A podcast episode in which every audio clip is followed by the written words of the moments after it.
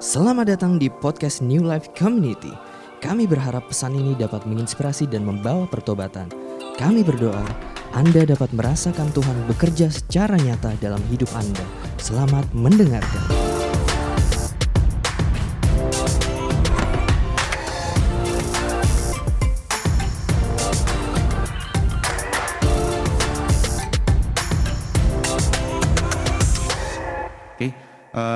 Kita mulai judul khotbah dari hari ini adalah Godly Living. Eh, saya dikasih tema eh, tema topik topik khotbah hari ini adalah membangun karakter yang godly atau membangun karakter yang saleh bahasa Indonesianya.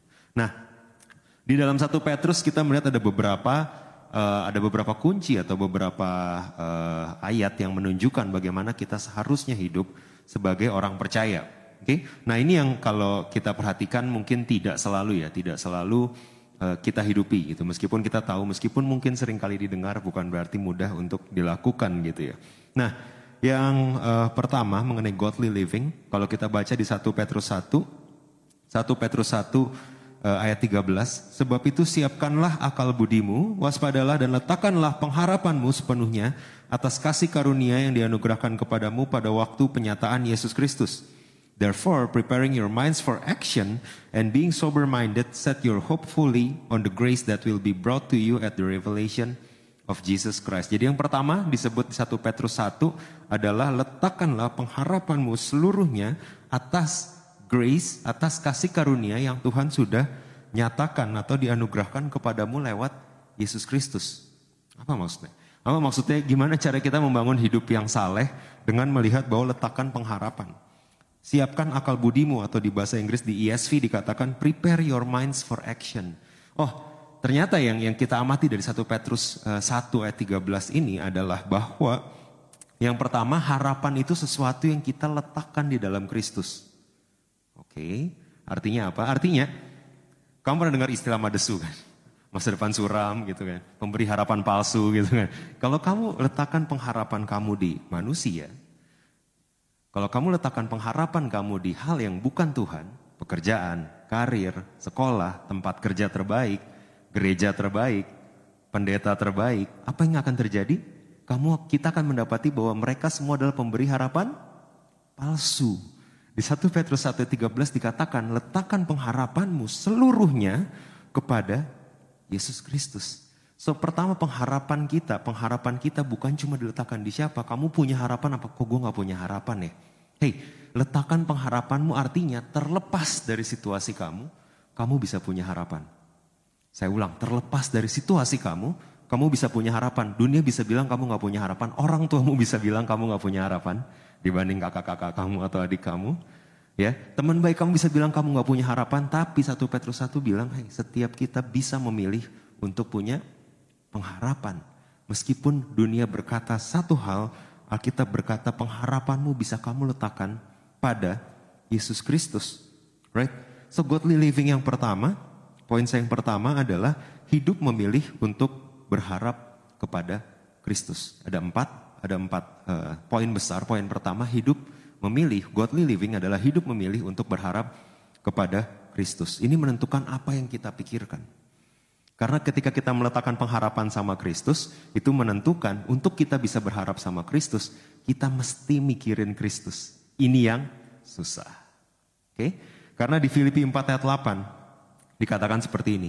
Jadi akhirnya saudara-saudara semua yang benar, semua yang mulia, semua yang adil, semua yang suci, semua yang manis, semua yang sedap didengar, semua yang disebut kebajikan dan patut dipuji, pikirkanlah semuanya itu. So harapan kamu akan Kristus muncul ketika kamu mikir-mikirin hal yang dari Kristus. Si kesirikan muncul ketika yang masuk ke pikiran kamu bukan apa yang benar, apa yang patut dipuji, apa yang suci, apa yang manis, tapi yang masuk ke pikiran kamu adalah scroll, scroll, scroll, you know, scroll, scroll. Akhirnya sirik kan. Jalan-jalan mulu, utang masih banyak tuh gitu. Amin. Itu cuma muncul karena apa yang kamu li lihat. Betul? Ketika kamu melihat firman Tuhan, ketika kamu melihat apa yang baik, kamu memilih untuk fokus kepada apa yang benar, kamu memilih untuk fokus bukan pada ketakutan atau kecemasan, kita bisa melihat bahwa kita masih punya harapan. Karena harapan kita dalam Kristus. Oke, dan ini tidak terjadi dengan sendirinya karena di Filipi pikirkanlah semuanya itu. So, so si, si Paulus nggak lagi bilang ketika kamu terima Tuhan, otomatis pemikiran kamu akan dibenamkan waktu kamu jatuh di altar call dan pas kamu bangun kamu punya pikiran baru. Enggak. Karena si Paulus bilang pikirkanlah semuanya itu. Tadi di, di, di satu Petrus dikatakan bahwa letakkan semua adalah kata action, kata aktif. So cuma karena kamu pelayanan dan kamu udah ke gereja, youth, tiga tahun, lima tahun, bukan berarti ini terjadi dengan sendirinya. Perlu dengan intensi kita memikirkan apa yang baik, sedap didengar, kebajikan dan patut dipuji. Pikirkanlah semuanya itu. Nah, saya mau mulai ngajak teman-teman untuk melihat apa yang kamu pikirkan setiap hari, itu ditentukan apa yang kamu lihat, betul? Kalau yang kamu lihat adalah ketakutan, video lucu gitu ya Ya nggak apa-apa sih, cuma cuma jangan kaget kalau kemudian kok saya kayak nggak punya harapan ya. Kok saya kayak nggak punya iman? Iya saya datang ke gereja, iya saya pelayanan, tapi kenapa iman saya nggak bertumbuh? Exactly karena apa yang kita pikirkan adalah hal yang dari dunia dan kamu spend berapa? Satu jam, satu setengah jam hari Minggu berharap apa yang kamu lihat dan dengar Senin sampai Sabtu itu bisa dibersihkan dalam satu dua, satu dua jam. Tidak bisa karena pikirkan ini setiap hari ke kantor ketika ada yang ngomongin bos, ketika ketika di sekolah ada yang ngajak ada yang ngajak eh, contek tugas pagi-pagi, that's the time kamu enggak. I will not do it this way again. Saya nggak akan ngelakuin seperti ini lagi. Karena saya tahu apa yang baik, apa yang sedap didengar, apa yang disebut kebajikan dan patut dipuji. Itu yang akan saya pikirkan dan saya lakukan. Jadi godly karakter tidak muncul tiba-tiba godly karakter jauh sebelum itu menjadi karakter kamu, itu dimulai dari apa yang kamu pikirkan. Dan untuk sampai ke pikiran kamu dimulai dari apa yang kamu lihat. Oke? Okay? So coba cek berapa banyak kamu spend di aplikasi di smartphone kamu antara hal-hal yang social media, scrolling, atau hal-hal yang Mobile Legend, push rank, atau hal-hal yang isinya adalah kebenaran firman Tuhan. Karena ini menentukan apakah kamu merasa punya harapan, apakah kamu berharap pada sesuatu yang tepat atau tidak. So berharap dengan benar, berharap dengan benar ada dua. Yang pertama harapan adalah sebuah keputusan, bukan sebuah situasi. Kamu nggak bisa bilang saya lagi nggak punya harapan. No, kamu lagi meletakkan harapan kamu ke mantan kamu, makanya kamu nggak punya harapan pas dia jadi mantan. Tinggal hati-hati di jalan gitu kan. Kamu nggak, kamu meletakkan harapan kamu ke ke pekerjaan kamu. Makanya ketika karena situasi, karena pandemi dan segalanya kamu ke kehilangan pekerjaan kamu, kamu berkata saya nggak punya harapan. Is that true? No, kamu tetap punya harapan karena Yesus Kristus menebus kamu, bukan karena hal-hal ini. Very good. Kamu kamu punya harapan karena kamu, oh saya punya harapan karena saya tertanam di GBI Sentral Tomang misalkan. Karena saya punya teman-teman yang menguatkan saya. Apa yang terjadi kalau kamu ditugaskan keluar kota? Apakah harapan kamu hilang? No. Karena harapan kita bukan kepada hal-hal ini. Harapan kita karena Yesus Kristus ada sama kita. Dan karena Yesus Kristus tidak meninggalkan kita. Oke? Okay? Harapan diletakkan kepada Kristus. Dunia memberikan banyak opsi buruk untuk menggantungkan harapan. Tapi hanya Yesus yang memberi harapan yang tidak mengecewakan. Oke? Kita lanjut ya. Ayat 14. 1 Petrus 1 ayat 14 berkata seperti ini. Hiduplah sebagai anak-anak taat dan jangan turuti hawa nafsu yang menguasai kamu pada waktu kebodohanmu. Tetapi hendaklah kamu menjadi kudus di dalam hidupmu sama seperti dia yang kudus yang telah memanggil kamu. Sebab ada tertulis, kuduslah kamu sebab aku kudus. Wah ini sering dibaca tapi sering di bodoh amat ya. I mean, kudus seperti Tuhan. Is that even reasonable? Itu masuk akal apa enggak sih? Emangnya kita bisa sampai sekudus Tuhan gitu? Kalau kamu, kalau kita melihat uh, kata kudus atau kata sempurna, hendaklah kamu sempurna sama seperti Bapa di surga sempurna. Kalau kamu menggali lebih dalam kata-kata tersebut, kata tersebut actually lebih mirip sama kata dewasa kalau di bahasa kita. Dewasa artinya enggak, kamu enggak terima Tuhan atau pelayanan dan langsung sempurna atau langsung kudus, enggak. Tapi day by day, hari demi hari kita semakin ditransform, semakin serupa Kristus. Jadi kalau kamu tanya ke diri kamu sendiri, kamu yang versi hari ini, sama kamu yang versi dua tahun yang lalu, sama-sama pelayanan mungkin, apakah karakternya sudah semakin serupa Kristus atau sama aja atau actually lebih sering marah-marah gitu. Oke, karena menjadi kudus sebab aku kudus ini berbicara tentang hidup kita mengejar keserupaan dengan Kristus. Godly living kedua, kamu mau mau hidup uh, untuk punya karakter yang saleh, Poin kedua adalah hidup mengejar keserupaan dengan Kristus. So apa yang kamu kejar? Apa yang kita kejar? Yang kita kejar, kalau hendaklah kamu kudus, sebab aku kudus adalah mengejar keserupaan dengan Kristus. Hey, saya saya berpikir hidup kudus itu defensif. Dulu saya berpikir defensif, tahu ya defensif. Kalau ada tante Potifar kabur, itu kan defensif ya, kudus gitu ya. Kalau kalau ada uh, kesempatan untuk pornografi tidak melakukan, kayak kayak kudus tuh kayak di rumah, uh, apa airplane mode gitu ya. nggak baca apa-apa, nggak scroll apa-apa supaya kamu bisa kudus. Tapi semakin saya mengerti bahwa dewasa, semakin saya mengerti bahwa apa arti kata sempurna di Alkitab, kudus itu jauh lebih lebih besar dari sekedar kamu play defense. Nggak berdosa, diam-diam aja baca Alkitab di rumah. Nggak, nggak, nggak, itu bukan kudus. Kudus yang artinya dewasa dan sempurna, kamu ke kantor tetap ke kantor, kamu sekolah tetap sekolah, kuliah tetap kuliah, pacaran tetap pacaran, tapi cara kamu melakukannya sesuai dengan kehendak Bapak. Very good. Kamu nggak ditanya, eh gimana laporan minggu lalu? 1 Petrus 1 ayat 13. Enggak, enggak, enggak, enggak.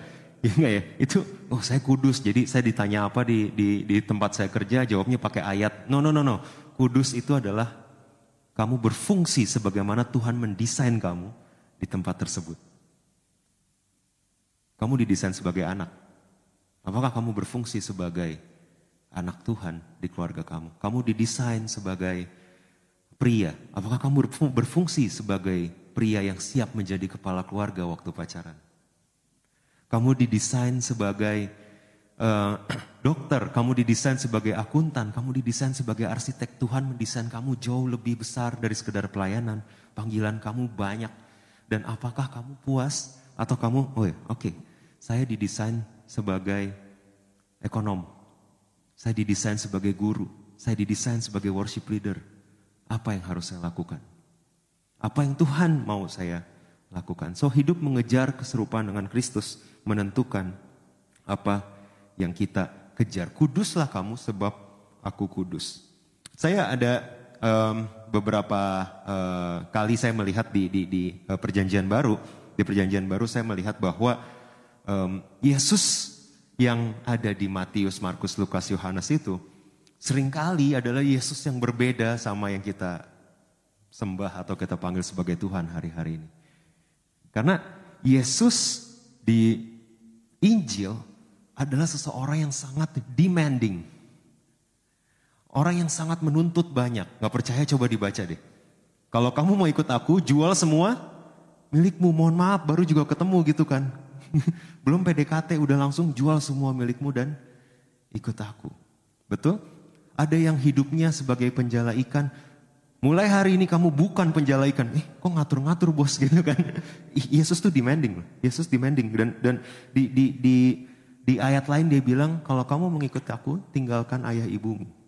Kalau barang siapa bahkan lebih keras dia bilang barang siapa tidak bisa membenci ayah ibunya dalam dalam tanda petik ya, membenci ayah ibunya dia tidak mengikut aku.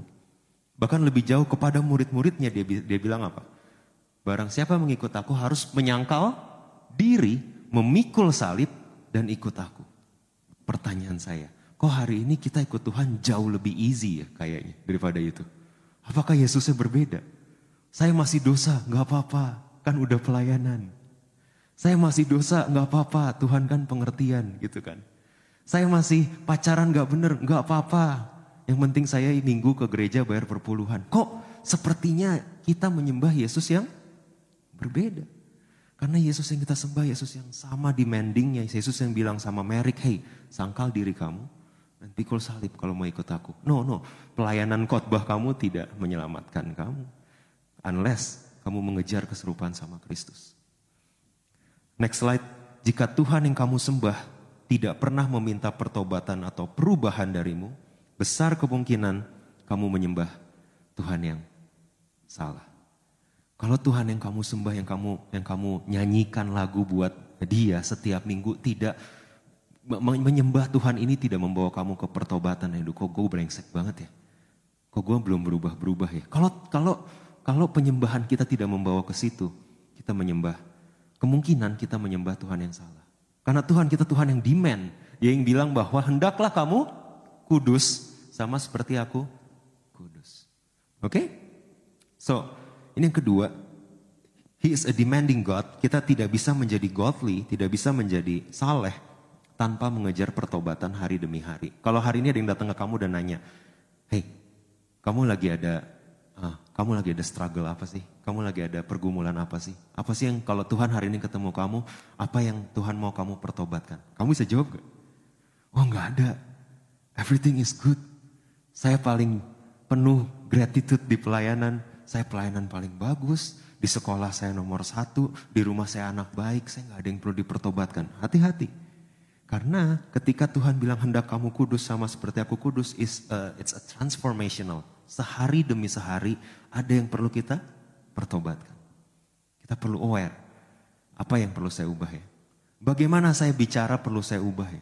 Gimana mungkin cara kerja saya saya perlu ubah di kantor? Gimana mungkin cara saya memperlakukan teman saya di kampus? perlu berubah. Gimana bullying saya perlu stop. See, these are things, ini adalah hal-hal yang kalau Tuhan ketemu kita pasti Tuhan minta pertobatan. Do we know? Pertanyaannya. Oke, okay? ini yang kedua. So, uh, hidup godly living adalah hidup mengejar kesempurna, keserupaan dengan Kristus. Untuk menjadi kudus seperti Kristus. Kita lanjut. 1 Petrus 1 ayat 17 berkata demikian. Dan jika kamu menyebutnya Bapa, yaitu dia yang memandang muka, tanpa memandang muka, menghakimi semua orang menurut perbuatannya. Mengerikan. Mengerikan. Mengerikan waktu saya baca ini dan berpikir bahwa one day saya akan berdiri di hadapan Tuhan dan dia bilang, Merik, di Youtube ada pelayanan kamu 15 Mei. Ayo kita bongkar hati kamu di hari itu. Waduh. ya, eh, one day, one day di sini bilang apa? Dia tanpa memandang muka menghakimi semua orang menurut perbuatannya. Jadi di luar kita mungkin kelihatannya baik, tapi one day kita akan ketemu Tuhan yang nge ngebongkar nih. Ayo kita buka yuk, kita baca yuk sama-sama yuk motivasi hati kamu hari itu gitu. Aduh matang, ampun Tuhan gitu ya. Right? Karena hendaklah kamu hidup dalam ketakutan. Dan again, bahasa Indonesia ketakutan it's very apa ya? Fear of the Lord emang betul, fear adalah ketakutan. Tapi Fear itu ada dua, ada fear karena terrorizing, fear yang mengerikan, takut karena mengerikan, takut jatuh, dan lain sebagainya, takut tabrakan dan lain sebagainya. Tapi ada fear yang fear respect atau hormat. Dan takut akan Tuhan di sini adalah takut karena hormat. Takut akan Tuhan yang memegang semua kendali kehidupan kita. Takut akan Tuhan yang tahu isi hati kamu meskipun kamu pelayanan.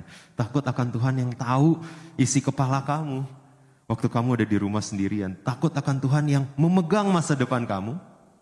Yang kayak dia, he knows everything, bahkan sehelai rambutmu pun tidak akan jatuh tanpa allow-nya dia, tanpa dia allow hal itu terjadi. Tuh, jadi takut akan Tuhan di sini adalah kamu hidup dalam ketakutan selama kamu menumpang di dunia ini bukan, waduh ada Tuhan, ntar gue dipetir gitu kan. Eh, ini ini apa apa namanya? Oh, ini habis pelayanan ngomongin orang, push, petir gitu kan. Enggak, Tuhan kita bukan yang ditakuti karena hal itu. Tuhan kita adalah Tuhan yang kita takuti karena dia memegang semua masa depan kita. Dia memegang semua aspek kehidupan kita. Dia membaca motivasi hati kita, isi pikiran kita. That's why we should be fear. Lebih ke awe. Kita harus respect. Bahasa zaman sekarangnya respect gitu ya. Hormat sama Tuhan. Hidup menghormati Tuhan. Eh, berapa banyak di tempat saya kita nggak pernah bicara tema hormat mungkin perlu ya. Kita nggak nggak lagi bicara hormat. Mungkin anak zaman sekarang kalau dilihat mungkin manggil orang udah pakai nama gitu. Udah nggak ada nggak ada hormat. Hormat itu something yang udah lumayan jadul. Tapi hidup takut akan Tuhan adalah hidup menghormati Tuhan. Ayat 18, sebab kamu tahu bahwa kamu telah ditebus dari cara hidupmu yang sia-sia. Yang kamu warisi dari nenek moyangmu itu bukan dengan barang yang fana, bukan pula dengan perak atau emas ayat 19 melainkan dengan darah yang mahal yaitu darah Kristus yang sama seperti darah anak domba yang tak bernoda dan tak bercacat. Oke. Okay?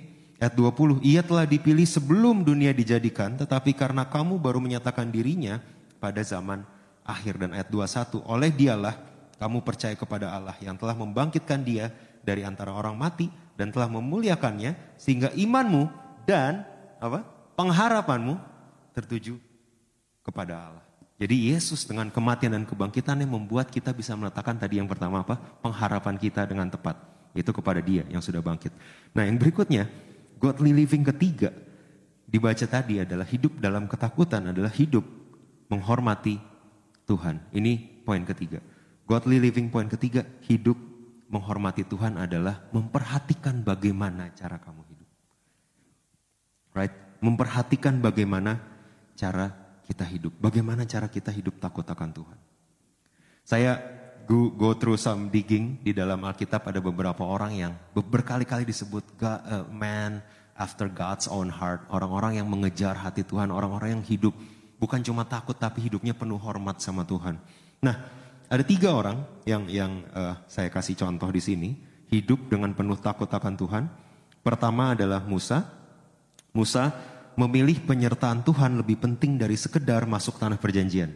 Kalau kamu baca, ini super keren. Kayak di keluaran, udah exactly nih, kamu udah dijanjikan tanah perjanjian, udah di depan mata. Tuhan bilang, oke, okay, malaikatku akan kukirimkan di depan kamu, kamu masuk sana, tinggal di sana, tapi aku gak ikut. Kata Tuhan. Karena bangsa ini terlalu tegar tengkuk, jangan sampai aku musnahkan nanti. Gitu kan, Tuhan bilang gitu ke Musa. Dan Musa dibilang, aku bahkan bukan cuma nyuruh kamu masuk, aku kirimkan malaikatku untuk berjalan di depanmu. Lawan tuh bangsa yang ditinggal di, tan di tanah perjanjian, ambil, tapi aku gak ikut. Musa yang penuh respect dan hormat akan Tuhan, dia bilang, Tuhan, kalau engkau gak ikut, mending kita muter-muter lagi di padang gurun. Si Musa adalah orang yang bilang, saya tahu, saya pengen ke sana, tapi kalau di sana nggak ada Tuhan, saya mending di sini. Berapa banyak dari kita, Tuhan saya mau apa? Sebut, saya mau menikah, saya mau masuk ke, tempat pekerjaan itu, saya mau punya anak, saya mau orang tua saya berubah, saya mau penghasilan saya sekian, saya mau gereja saya seperti ini. Kalau hari ini Tuhan tanya, oke, okay, saya akan berikan ke kamu, but I will not be there. Tapi aku tidak akan menyertai kamu. Gimana kamu ngejawab? Enggak apa-apa Tuhan, makasih ya, thanks, bye gitu. Atau kamu bilang, eh Tuhan, sorry, kalau misalkan engkau nggak menyertai, mending aku di season yang sekarang.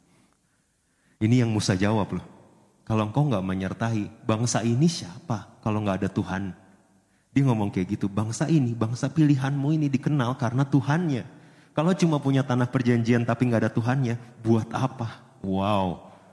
Ini contoh orang-orang yang takut, respect, hormat akan Tuhan. Dia nggak cuma ngejar janjinya Tuhan, yang dikejar adalah presence-nya Tuhan. Oke? Okay? Yang kedua, Daud. Percaya waktu dan cara Tuhan lebih dari sekedar menjadi raja. Come on, dia nggak minta kan Tuhan, aku punya mimpi jadi raja nih gitu kan. Aku pengen dong Tuhan suatu hari mau jadi raja. Enggak loh, dia lagi gembalain domba gitu ya. Toto ada yang datang dan mengurapi dia jadi raja, betul? Samuel kan ceritanya. Dan ketika tiba-tiba waktunya datang, Saul yang gak mau melepas kingshipnya dia, dan dia punya kesempatan berapa kali? Dua kali untuk ngebunuh Saul. Apa yang dia lakukan? Aku tidak akan menyentuh orang pilihan Allah ini. Dia tahu meskipun jawabannya di depan mata dia, dia tunggu timingnya Tuhan. Dia tunggu prosesnya Tuhan. Wow. I mean, ketika saya waktu-waktu eh, kita baca ulang Musa, Daud, ini kita mengetahui bahwa dia meskipun apa yang Tuhan janjikan di depan mata dia sekalipun, dia memilih untuk trusting God, trusting presence-nya Tuhan, Trusting timingnya Tuhan, trusting prosesnya Tuhan. Saya rasa ini yang disebut dengan hormat.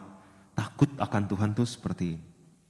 Dia lebih respect, lebih awe, lebih kagum sama kebesaran Tuhan daripada sama janjinya Tuhan.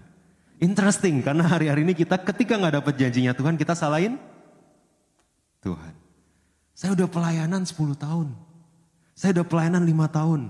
Seorang pun gak ada yang ngomong shalom sama saya asik gitu ya, kira-kira lah dengan mudah kita tersinggung dan lain sebagainya. Padahal orang-orang ini dia mengejar hal yang tepat, mengejar presence dari Tuhan. Yesus meletakkan kehendak Bapa lebih tinggi daripada kehendak diri dia sendiri.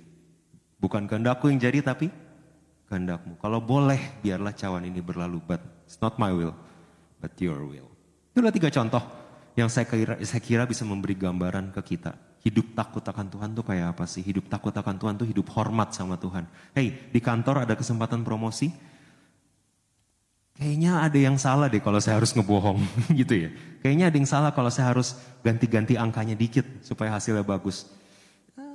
Mendingan saya nggak meet deh daripada saya ngakal-ngakalin. Itu adalah contoh hidup takut akan Tuhan. Oke?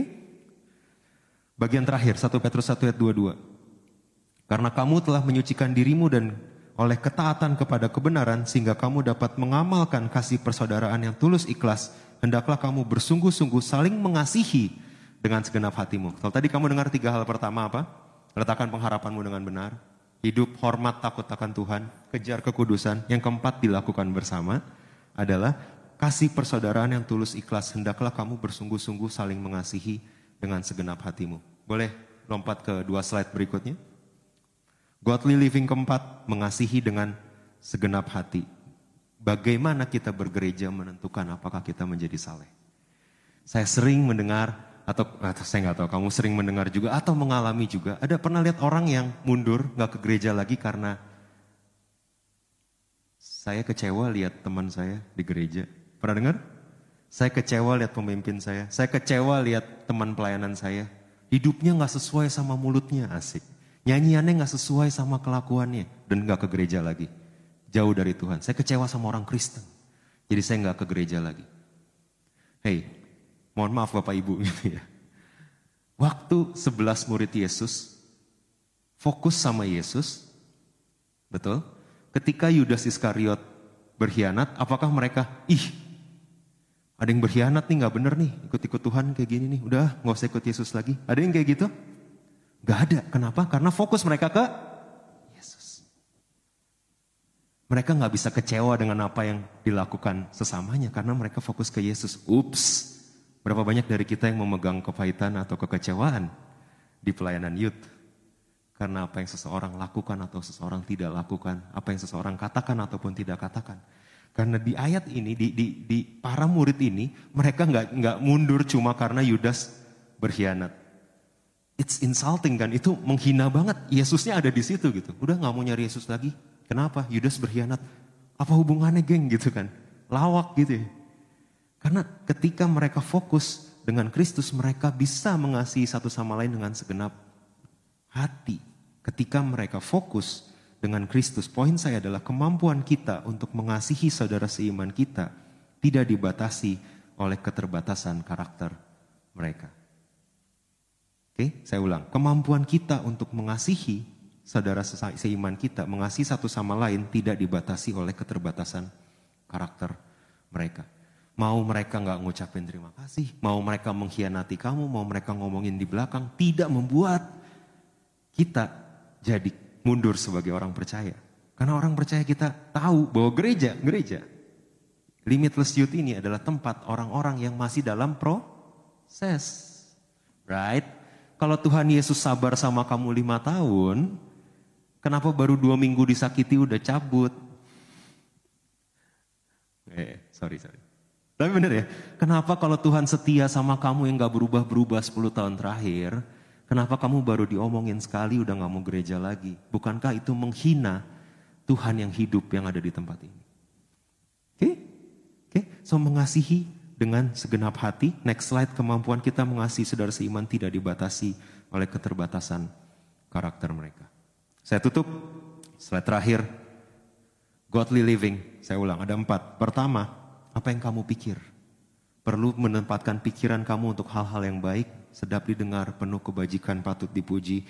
Hidup meletakkan harapan kamu pada Kristus, bukan ke pelayanan kamu, kerjaan kamu, pacar kamu, keluarga kamu.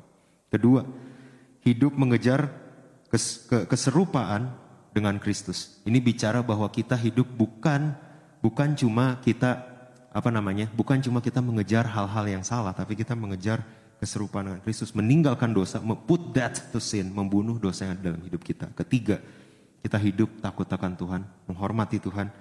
Dan keempat, kita bersama-sama hidup mengasihi satu sama lain segenap hati. Jangan lihat maksudnya kita lihat orangnya untuk mengasihi kita perlu lihat orangnya, tapi kamu tahu kamu ada di tempat ini, kamu bergereja di sini, kamu tertanam di sini karena ada Tuhan di sini.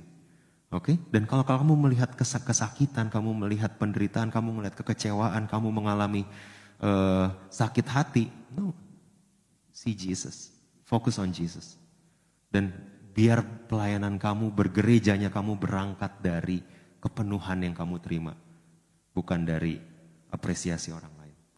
Very good.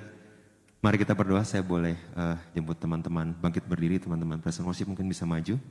Bapak kami mengucap syukur untuk firman yang kami dengar. Hambamu selesai berbicara, engkau yang terus memateraikan apa yang disampaikan menjadi kekuatan buat kami, menjadi membawa perubahan buat setiap kami. Kami berdoa Tuhan, biar roh kudus yang meremahkan apa yang disampaikan firman kebenaran yang disampaikan hari ini.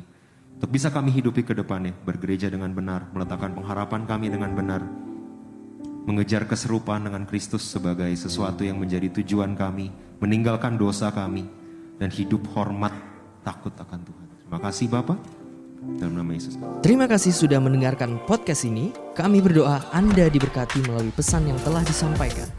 Mari sapa kami melalui Instagram @newlifec dan bagikan pesan ini supaya lebih banyak orang yang diberkati.